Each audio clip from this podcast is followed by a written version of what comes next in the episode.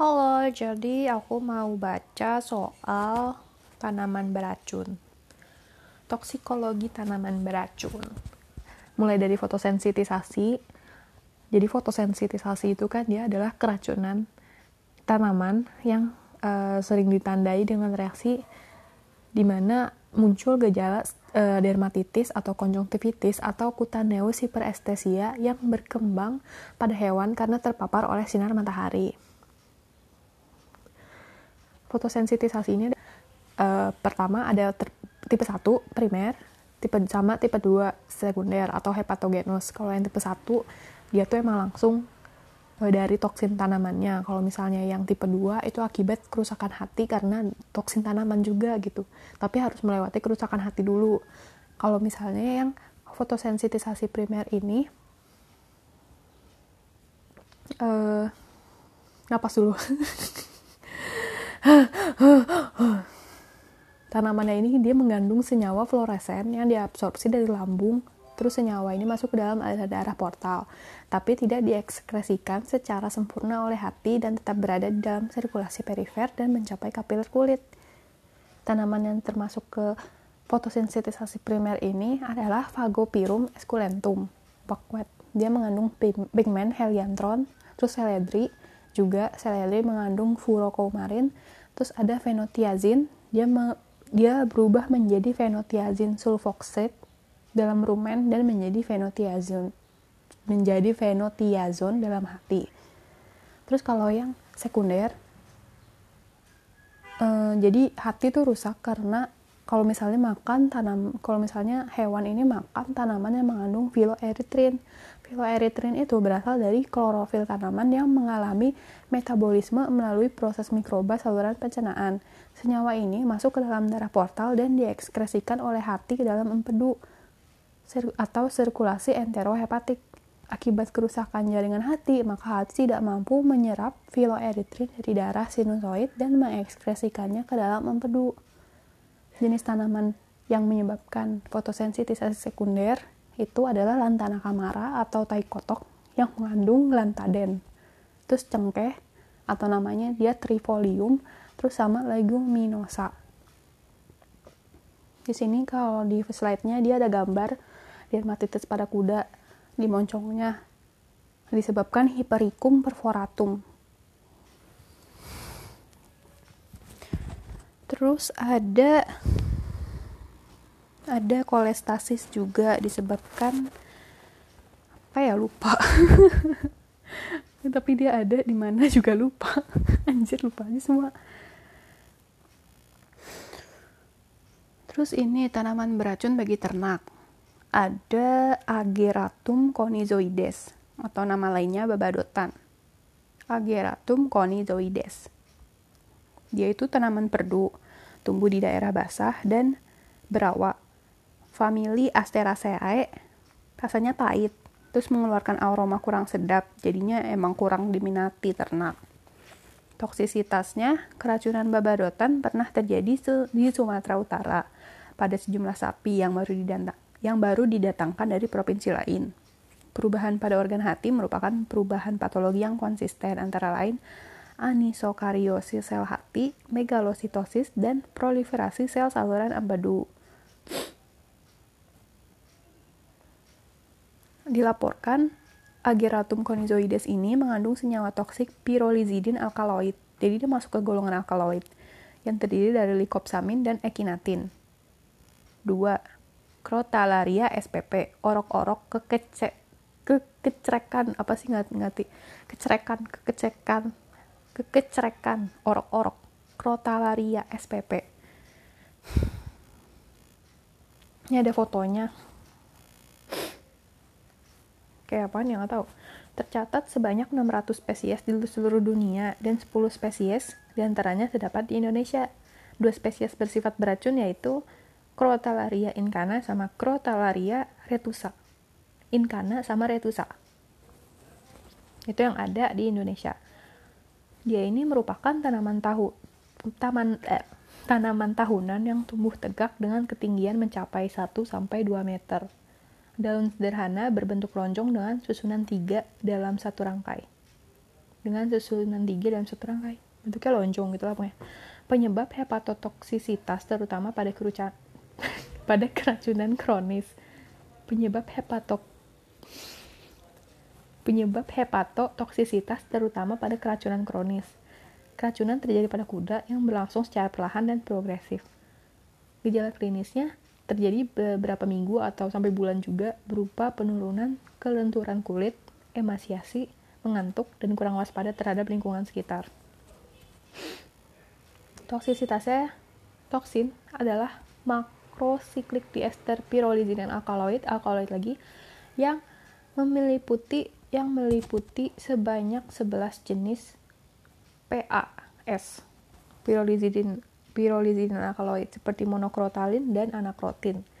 Crotalaria incarna mengandung anakrotin, integerimin, dan usaramin, sedangkan Crotalaria retusa mengandung monokrotalin dan retusamin. Apa? Incarna mengandungnya anakrotin, integrimin, sama usaramin. Yang retusa monokrotalin, retusamin kan retusa sama-sama retusamin gitu kan. Retus amin. Kalau yang inkana apa ya? In karena integrimin. Ya kali ya udahlah gitu lah. Terus monokrotalin yang di yang ada di retusa itu dia adalah senyawa paling toksik yang mengalami biotransformasi di dalam hati menjadi metabolit toksik yaitu piro. Jadi monokrotalin yang ada di retusa ini dia dalam hati dia bisa um, mengalami biotransformasi menjadi metabolit toksik yaitu pirol. Gejala klinis oleh si crotalaria ini ada nafsu makan turun, jadinya kehilangan berat badan. Terus tadi apa figur kulitnya kan dia jadi apa nggak elastis gitu kan. Terus juga dia ada inkoordinasi, ikterus, dan lemah. Kelemahan umum kayaknya. Pada sapi, mirip kuda yang terdiri dari depresi, salivasi, ataksia, blood, ikterus, tenesmus, dan diare berdarah. Patologi, wah banyak banget. Makroskopis, perdarahan luas pada permukaan jantung, mesenteri, lemak, mukosa lambung, dan visceral. Pembendungan paru-paru dan penimbunan cairan di dalam rongga dada, jantung, dan atau abdominal. Terus ada kebengkakan limpa, dan limpanya juga anemis.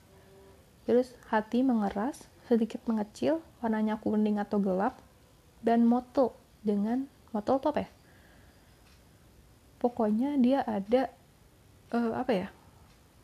Ada titik-titik yang menyebar tapi vokal. Well, I don't know. Warnanya merah kecoklatan. Hati yang kayak gini disebutnya nutmeg liver. Itu secara mikroskopis terjadi ada emfisema pulmonum dan atelektasis dengan edema interstitialis. Ayo patsis, inget ke lu?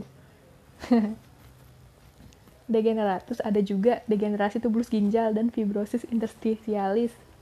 Patsis, inget gak lu? Ternyata crotalaria menyebabkan uh, gejala apa namanya temuan-temuan mikroskopis yang sudah dipelajari di patsis guys. Terus hati ini mengalami sentrolobular hepatic necrosis, fibrosis pada inter dan intralobular, proliferasi sel saluran empedu, fibrosis vena portal dan sentralis, hipertrofi sel hati, kariomegali, dan hiperplastik nodul. Sebenarnya istilah-istilahnya kayak udah tahu udah tahu gitu, cuman kayak kalau bisa dijelasin sebenarnya nodul bedanya apa sama tumor yang kayak apa ya? Pengobatan hanya dapat dilakukan dengan perawatan pendukung, suportif aja, dengan memberikan cairan secara parenteral dan pemberian diet protein rendah untuk mengurangi nitrogen. Secara umum dilakukan untuk meningkatkan kandungan hepatik glutathione atau GSH.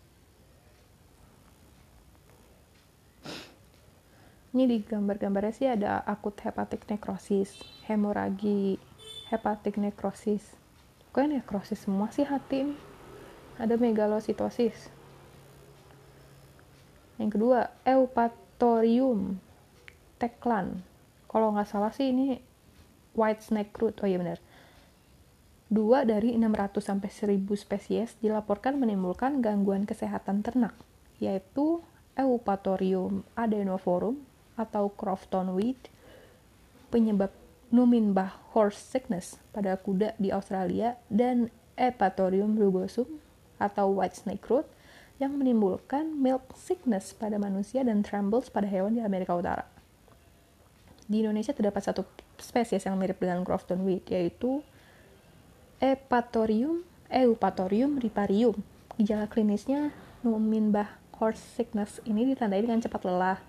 Terus ada emfisema kronis terus penapasan dan cairan di dalam cep, apa pernapasan gimana sih oh ada suara penapasan dan cairan di dalam pleura terus depresi lagi. Lagi. Kayak tadi udah ada depresi tapi nggak ada yang depresi kemudian mati. Terus patologinya secara makroskopis pada paru-paru ada kelainan di mana gagal kolaps sewaktu rongga toraks dibuka. Fibrosis interstitial dan subpleura, multiple abscess, trombosis dan atau kavitasi. Terus ada edema pulmonum dan hidrotoraks. Mikroskopisnya interstitial fibrosis dan epitelialisasi alveolar lining cell, cairan serofibronosa di dalam alveol, abses, dan bronki ektasis percobaan pada mencit menghasilkan kerusakan hati berupa vokal hepatik nekrosis dan hiperplasia sel pembuluh empedu. Toksin penyebab kerusakan hati diketahui sebagai dehidriageraforon. Dehidriageraforon. Gimana bacanya ya?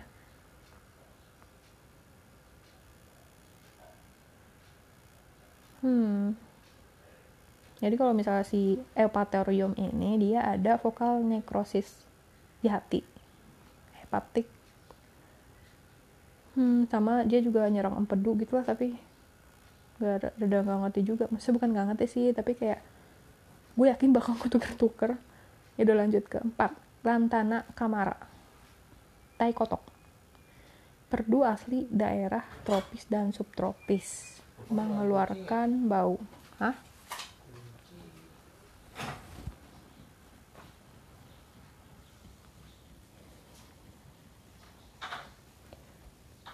mengeluarkan bau khas, tumbuh tegak, banyak cabang, tinggi berkisar antara seperempat sampai 4 meter.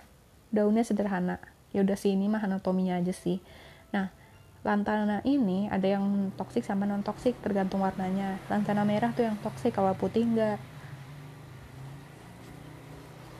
Toksinnya ini dia mengandung asam triterpenoid dan juga alkaloid ternyata yang dikenal sebagai lantaden A atau remanic acid.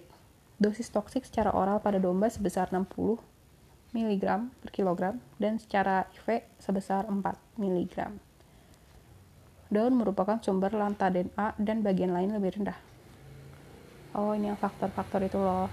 Jadi walaupun kayak misalnya tumbuhan ini dia toksik, tapi ada bagian-bagian yang sebenarnya nggak apa-apa gitu. Kalau misalnya ini daunnya yang toksik, daunnya yang paling banyak itu tapi sisanya sih ada sih ternyata di bagian lainnya ada tapi lebih rendah gejalanya kalau dari lantana ini dia keracunan kalau misalnya pada sapi domba dan kambing yang sering terjadi adalah itu tuh pada saat hewan dipindahkan ke tempat baru dan kesulitan mendapatkan pakan keracunan akut tanda-tandanya depresi kehilangan nafsu makan, penurunan motilitas rumen, dan kelainan kulit akibat fotosensitisasi hepatogenus. Telinganya membengkak, berat dan panas, terus kematian akibat kombinasi kerusakan hati dan kegagalan ginjal. Kalau keracunan kronis, gejalanya gejala fotosintesis, sintesis, gejala fotosensitisasi, desquamasi kulit, hah? Desquamasi kulit, gatal, peradangan sklera, kelainan kornea mata, dan peningkatan sensitivitas terhadap sinar matahari. Kan tadi udah. Kan tadi udah fotosensitisasi, lantana. Ada patologi. Kolestasis merupakan perubahan makroskopis utama diikuti pembengkakan hati yang berwarna orange akibat warna cairan empedu dan distensio kantong empedu. Ginjal juga membengkak karena terjadi edema perirenal seram sekali ada hati yang membengkak dan kantong empedu yang distensi mikroskopis terlihat D terus secara mikroskopis itu kan tadi secara makroskopis. Sekarang mikroskopisnya adalah degenerasi periportal hati pembengkakan sel hati dan berisi multiple inti. Edema dinding kantong empedu dan tubular nekrosis yang berisi protein. Degenerasi miokardium dan fibrosis serta kongesti dan edema pulmono. Ini adalah gambaran kolestasi. Warnanya pink-pink lucu gitu sebenarnya sih. Kayak motif batik, enggak sih? Kayak motif batik gitu. Kolestasis disebabkan oleh lantana, iya gak sih? Lantana, iya lantana. Pengobatan. Keluarkan toksin dari rumen dengan menggunakan arang aktif atau bentonite hmm arang aktif bentonet arang aktif berarti bisa itu gak sih? Aduh lupa namanya gue itulah pokoknya. Norit. Terus eh, perawatan suportif lagi. Pendidikan cairan elektrolit dan glukosa. Antidota sodium tiosulfat 0,5 secara IV basmi lantana dengan menggunakan herbisida. 5. Leukaena leukosefala susah banget. Pada pendeknya PT Cina. Dia tumbuh di daerah tropis dan subtropis. Telah dibudidayakan di Indonesia juga. Sifatnya palatable mudah dicerna dan memiliki gizi karena mengandung 25% protein tapi rendah kadar sodium dan iodiumnya. Dia beracun karena mengandung asam amino non protein yaitu mimosin yang mencapai 12% pada tanaman muda Tanaman muda juga mengandung enzim yang dapat memecah mimosin menjadi 3,4 dihidroksipiridin, yaitu metabolit yang beracun. Kalau nggak salah gue ada nulis mimosin di mana tahu. Tapi kayak gue yang bingung gitu, ini tuh harusnya di, di gue coret gitu kan nggak? Kok nggak salah yang gue tulis panjang, berarti dua. Dua dari bawah, dua dari bawah dari mekanisme. Berarti apa ya? Gejala klinis kalau misalnya pete Cina ini pada non dominansia akan menimbulkan alopecia, kurang nafsu makan, kehilangan terus jadinya kehilangan berat badan. Dia gak mau makan nih, jadi jadi dia ini kan kehilangan badan, terus fertilitasnya juga ikut rendah, akhirnya aborsi, terus erosi kuku kaki dan kematian ternak. Pada dominansia, tadi kan pada non dominansia, sekarang pada dominansia penurunan nafsu makan juga, terus jadi males, Terus ada peradangan, erosi pada mukosa faring dan mulut, salivasi berbusa, dan rontok bulu. Itu kalau akut juga sih, nggak tahu sih. Dan tulisannya begitu. Terus uh, gondok, erosi esofagus, penurunan fertilitas, anak lahir dengan bobot badan yang rendah, serta katarak bilateral. Aduh, terus ini enam uh, nggak bisa bacanya. Oh ini Melia azedarak Mindi. Ini ada juga, gue inget tapi terus ya udah inget doang. Tanaman asli Asia Simelia ini terdiri dari 10 spesies. Dua di antaranya ada di Indonesia Azedarak, mindi kecil dan Dubia, mindi gede. Oke, okay, sip. Azedarak sama Dubia. Dubia yang gede. E, toksisitasnya toksin adalah toksinnya namanya itu tetrano triterpenoid dikenal dengan meliatoksin udah lebih gampang melia toksin udah Gejala klinis, dua sindrom keracunan mindi, ada gejala pencernaan yang ditandai dengan mual, muntah, konstipasi, diare berdarah, dan gejala saraf. Mudah terkejut, depresi, lemah jantung, dan disnu. Gue jadi ikutan ngomong disnu. Patologinya, eh, makroskopis, vokal, secara makroskopis ada vokal edema di mana? Hiperemia mukosa lambung, dan usus halus, distensi lambung berisi gas. Kalau edemanya nggak tahu di mana. Uh, mikroskopis, nekrosis epitel mukosa lambung dan usus, nekrosis sel limfolikel, hialinkes pada tubulus ginjal, terus dilaporkan menimbulkan miodegenerasi otot skeletal. Mindi-mindi, uh, pengobatannya bisa dengan gastric lavage jadi kita mengeluarkan tanaman beracunnya dari lambung langsung gastric lavage 7. Ada manihot utilissima atau ketela pohon. Singkong, manihot. Manihot utilissima adalah singkong. Keren sekali. Dia merupakan tanaman yang mengandung cyanogenik glikosida. Dia ke golongan glikosida, menghasilkan asam hidrosianat atau ini nanti yang dia bakal apa sih menyebabkan asfiksia itu. Jadi si cyanogenik glikosida ini dihidrolisasi oleh asam lambung menghasilkan HCN yang beracun bagi hewan. HCN adalah asam hidrosianat, bukan asam sianida. gue ngomongnya dari tadi tuh asam sianida tau gak sih gue habis belajar hei kapan lu belajar tapi ternyata namanya asam hidrosianat keracunan sianida sering terjadi pada ruminansia daripada monogasi karena memerlukan pH yang rendah untuk menghasilkan sianida terus toksisitasnya si hidrosianat ini dilepas dari tanaman di dalam rumen dan segera diabsorpsi dalam jumlah besar, sianida menghambat sitokrom oksidase dan menghambat respirasi seluler, dapat menimbulkan kematian ternak. Gejala klinisnya penapasan dalam penapasannya dalam dan cepat. Denyut nadi irregular dan lemah, salivasi, spasmus otot, kejang, koma, dan mati. Darah warna merah pucat karena mengandung oksihemoglobin, kematian akibat anoksia otak. Anoksia oh ini mah penyakit dalam bukan patsis lagi guys tapi IPD pengobatan untuk HCN ion cyanida ini kan berikatan dengan methemoglobin menghasilkan cyanomethemoglobin jadi pengobatan dilakukan untuk meningkatkan methemoglobin dalam darah agar cyanida dapat berikatan dengan sitokrom oksidase untuk menghasilkan cyanomethemoglobin. sehingga cyanida dilepaskan secara perlahan dari cyanomethemoglobin agar bereaksi dengan tiosulfat yang merubahnya menjadi tiosianat.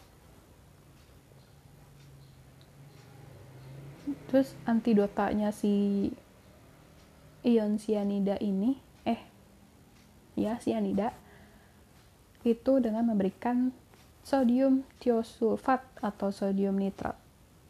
Nitrat, are you serious? Aduh, masih banyak, guys. 8. Panikum maksimum atau rumput benggala. Panikum maksimum. Sebenarnya dari tadi tuh gue inget pokoknya rumput itu sorghum. Tapi ternyata ada juga panikum maksimum. Oke, nama apa nih? Panikum maksimum ini merupakan rumput tahunan yang tumbuh dengan cepat. Berupa rumpun-rumpun yang besar, memiliki akar serabut yang tumbuh jauh ke dalam tanah kayaknya nggak bakal ada sih ya udahlah ya panikum panikum panikum bukan sorghum sorghum sorghum panikum panikum sorghum panikum virgatum sama panikum coloratum. Toksinnya adalah cyanogenik glikosida juga nitrat atau oksalat dapat menimbulkan fotosensitisasi hepatogenus. Anak domba lebih peka terhadap keracunan panikum. Jadi ini kalau misalnya si panikum ini fotosensitisasinya dikaitkan dengan saponin, kayak dikotomin. Berbagai jenis panikum dapat menimbulkan kelainan hati dan kulit, antara lain coloratum, panikum coloratum, dikotomifolium, panikum maksimum. Itu di, di Amerika Utara. Terus di Afrika Selatan, enggak, enggak, itu di Amerika Utara dan di Afrika Selatan. Terus kalau panikum miliaseum ada gimana sih nggak salah ja, terus di Australia sama Amerika Selatan ada Panicum miliaceum dan Panicum maximum. Spesies ini juga mengandung spesies yang mana anjing? Ya kayaknya kayaknya sih ya udah Panicum ini lah ya. Panicum ini dia emang ada saponin terdiri dari furo furostanol dan spirostanol yang merupakan diosgenin atau yamogenin.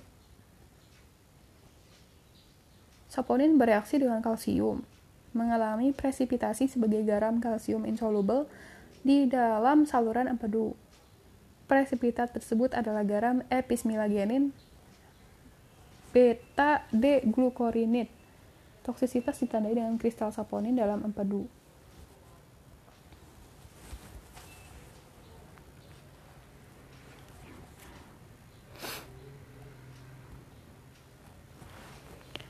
gejala klinis berkaitan dengan gejala klinis dari si panikum ini berkaitan dengan nekrosis jaringan di sekitar kapiler kulit, di mana sinar UV masuk ke tubuh hewan.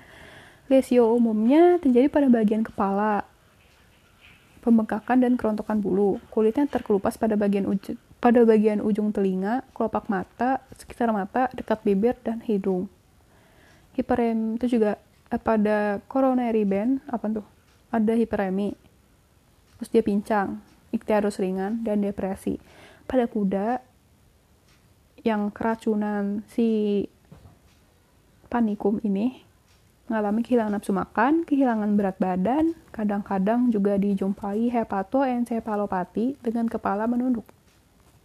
Patologi Makroskopisnya terbatas pada kulit, bagian yang terkena langsung dengan uh, sinar matahari. Dia di ya di fotosensitisasi. Eh, iya, iya gitu. Kayak gue, aduh, aduh gue enggak, enggak. Sumpah. Oh iya, iya, iya, iya, fotosensitisasi. Ah, tahu ah. Terus secara mikroskopis, nekrosis ringan pada proximal convoluted tubulus ginjal, vokal miokarditis, hemoragi jantung, dan degenerasi hati. Pada hati terjadi pembekakan dan nekrosis sel hati, peradangan saluran empedu, dan dijumpai bentukan kristal pada saluran empedu, bile canaliculi, dan sel Kupfer. Pengobatannya jauhkan dari rumput panikum udah pasti. Terus ditempatkan di tempat yang teduh jangan ada sinar matahari karena dia lagi peka-pekanya. Terus lakukan perawatan yang baik kayaknya suportif aja sih. Terus terapkan manajemen peternakan yang baik. 9 ah pukat oh my god. Persea americana. Persea americana baru tahu gue berasal dari benua Amerika. Dibudidayakan secara ekstensif di berbagai negara. Ada tiga varietas utama. Variasi Guatemalan Meksikan, dan West Indian. Hanya Guatemalan yang bersifat toksik. Oke. Okay. Bagian tanaman ini semuanya, semuanya dari dari si alpukat yang Guatemalan ini ber, toksik semua kalau dimakan. Bijinya juga sangat toksik bagi babi. Biji alpukat Guatemalan toksik pada babi. Oke. Okay. Toksisitas Daun alpukat menimbulkan non-infectious agalactia dan mastitis pada hewan laktasi. Apaan tuh agalactia tuh apa Oh dia bikin, oh, oh baru tahu wah. Jadi mastitis itu juga bisa disebabkan karena racun. Karena racun dari alpukat, boy. Jadi, aduh, Butias tahu nggak ya? Butias harus tahu bu alpukat varian Guatemala menyebabkan mastitis pada sapi. Gak sih nggak dibilang pada sapi sih, pada hewan laktasi. Wah bisa banyak ibu. Nih, misalnya yang kambing, kelenjar ambing pada kambing terlihat edematus dan susu mengalami pengerasan. Itu juga terpantau adanya penurunan aktivitas saluran pencernaan dan anasarka meluas meliputi leher sampai dada. Maksudnya anasarka itu apa ya? Kayaknya dulu pernah tahu. Pada hewan laktasi, efek utamanya adalah non-infectious mastitis. Jadi ini mastitis tapi tidak infek tidak menular. Oh gitu. Iya nggak sih maksudnya non-infectious tuh gitu nggak sih? Jadi dia tahu-tahu udah gitu aja, nah, itu racun. Oh gitu, makanya kan emang ada keterbatasan kan di awal-awal tuh. Uh, apa namanya keterbatasan tentang toksisitas tanaman itu di Indonesia karena uh, yang malah yang sebenarnya disebabkan sama toksin itu sering kali disalahpahami sebagai penyakit infeksius. Contohnya mastitis yang disebabkan oleh alpukat. Persea americana varian apa? Guatemala jadi dia ya mastitis. Nih dia kehilangan produksi susu. Tapi dia nggak infeksius gitu. Mastitis terjadi pula pada mencit yang diberi diet alpukat. Pada hewan non non laktasi dosis yang dosis dengan yang dosisnya lebih tinggi uh, dapat menimbulkan kardiomiopati nekrosis kelenjar susu dan nekrosis miokardium disebabkan oleh R enantiomer dari persin suatu rantai panjang senyawa unsaturated yang diisolasi dari daun alpukat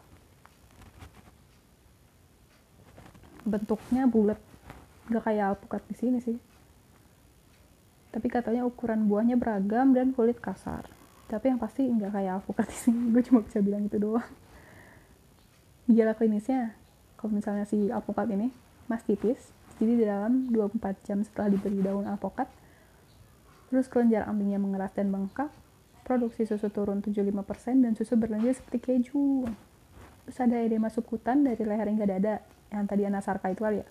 Terus ada batuk, lemah, depresi, alas bergerak, sulit bernapas, dan kardiak aritmia. Sedih gak sih guys? Kayak hewan sebenarnya dia tuh sulit bernapas. Dia begitu tapi dia dia tiangnya sebagai malas bergerak. Terus patologi mikroskopis ada tadi kan juga. Kelenjar susu edematus dan hiperemia. Edema subkutis dan paru-paru. Dan paru-paru? Ah apaan sih lo pada nggak sih eh, tapi subkutis mana ada gak tau deh skip kongestium pada paru-paru, hati dan limpanya, hidroperi, eh apaan sih anjir? Enggak, enggak. Kongestium pada paru-paru, hati dan limpa. Terus ada hidroperikardium, hidrotoraks, dan asites. Edema kantong yang empedu dan jaringan perirenal. Terus jantungnya pucat dan lemah. Secara mikroskopis ada edema kelenjar ambing dan degenerasi serta nekrosis epitelium asinar sekretori interstitial edema pada jantung dan degenerasi miokardial. Terus ini ada gambar radiologi, radiologi, radiografi dari sisi lateral menunjukkan ada pembesaran jantung dan efusi pleura. Sebenarnya gue nggak bisa bacanya, cuma tulisannya begitu ya udah. Ini perbandingan sebelum dikasih alpukat sama setelah dikasih dengan jarak 48 jam. Tapi sebenarnya dia udah menunjukkan gejala tuh 24 jam setelah dikasih. Hmm, apa ya? Hmm, aduh jangan ada gambar lah. Ada ada pteridium. Ah enggak ini 10, 10. Pteridium pakis. Terdapat beberapa jenis pakis, antara lain pakis eh salah. Pteridium esculentum. Kan tadi ada juga esculentum si hiper hipe hip aduh lupa lagi namanya. Ini kepo yang bikin fotosensitisasi itu loh hiper hiper. Lupa sumpah gue mana ya fotosin Hepatorio bukan. Lantana Kamara bukan. Kayaknya di atas Lantana Kamara deh. Meliatoksin Paniku maksimum bukan. Maksimum i hilang. Figuratum Figuratum tahu apa tunggu gue mau nyari dulu. Hiper hiper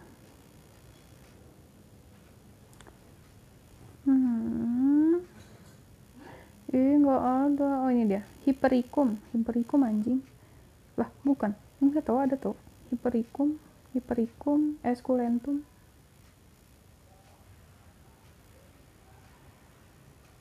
Tuh, eh, enggak dengar coba. Fagopirum. Fagopirum esculentum.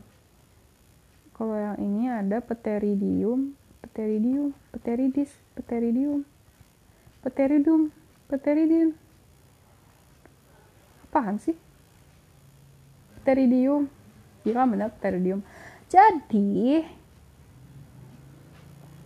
ada beberapa jenis pakis. Pteridium esculentum, Pteridium revolutum, Pteridium aquilini, eh, aquilinum, eskulentum lagi nggak tahu disebutin kenapa aku minum lagi nggak tahu kenapa juga nggak tahu bodo amat oh enggak maksudnya begini eskulentum sama revolutum sama aquilitum terus eskulentum sama aquilinium ini banyak ditemukan di Indonesia keracunan pakis dapat muncul pada beberapa sepe, eh, dapat muncul pada beberapa spesies hewan yang mengkonsumsi daun dan rizoma tanamannya. Keracunannya dicirikan dengan efek radiomimetik pada sapi. Toksin tanaman ini dikenal dengan nor, ses, pene, glukosid atau petakuilir. Petakuilosida berarti dia masuknya ke glikosida nggak tahu sih yang dapat menimbulkan efek radiomimetik pada anak sapi. Wow, sudah jam 7.35. Hmm, kita lanjut. Gejala klinis ditandai dengan sekresi cairan seromukoid yang bercampur darah pada hidung, feses berdarah. Aduh, ada Pak Aziz. Pak Aziz bilang begini, soal yang diberikan dalam bentuk pilihan ganda sebanyak 60 butir. Total waktu yang saya berikan 75 menit. Oh, diem lu.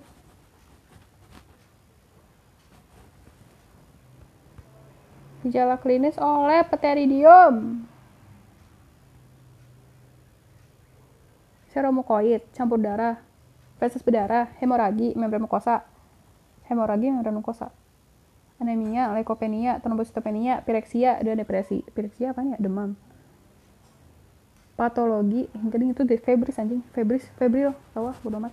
Patologi, hewan ditemukan mati, gejala fibrinus pleuropneumonia terminal, gejala pasteurellosis, terjadi hemoragi multiple pada jaringan subcutaneus intramuskuler dan subsereus yang berisi darah encer dan hemoragi pada paru-paru, miokardium, dinding saluran pencernaan, dan mukosa kantong empedu jadi sebenarnya banyak sih kayak gini.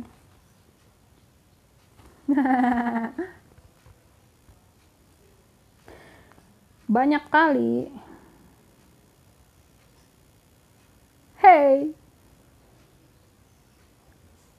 11 Senecio Senecio SPP Jonge.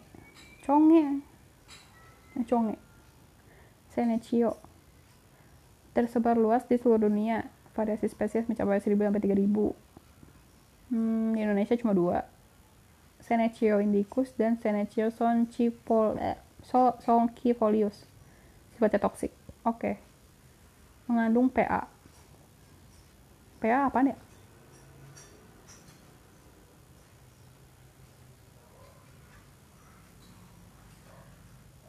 Lupa menimbulkan kerusakan hati berupa veno-okklusif, mekanisme toksisitas sama dengan crotalaria. Namanya mirip sih. Hydropholoides.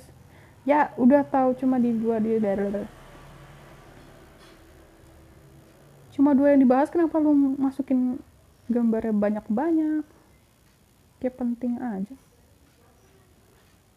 Gejala klinis sama dengan crotalaria. Oke. Okay Rotaleri apaan coba? Gak, gue inget, cuman gue gak inget dia tuh apa. Masuklah ke Jatropa, Jatrofa, Jatrofa. Tiga spesies tanaman jarak, yaitu Jatrofa, Kurkas, Jatrofa, Gosip, Gosipifolia, dan Jatrofa multipi. Jatrofa multifida.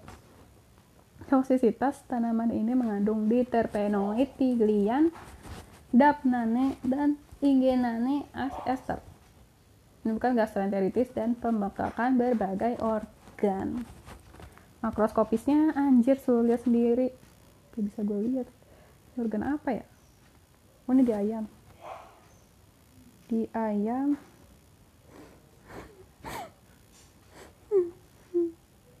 Ini apa ini coy? Apanya?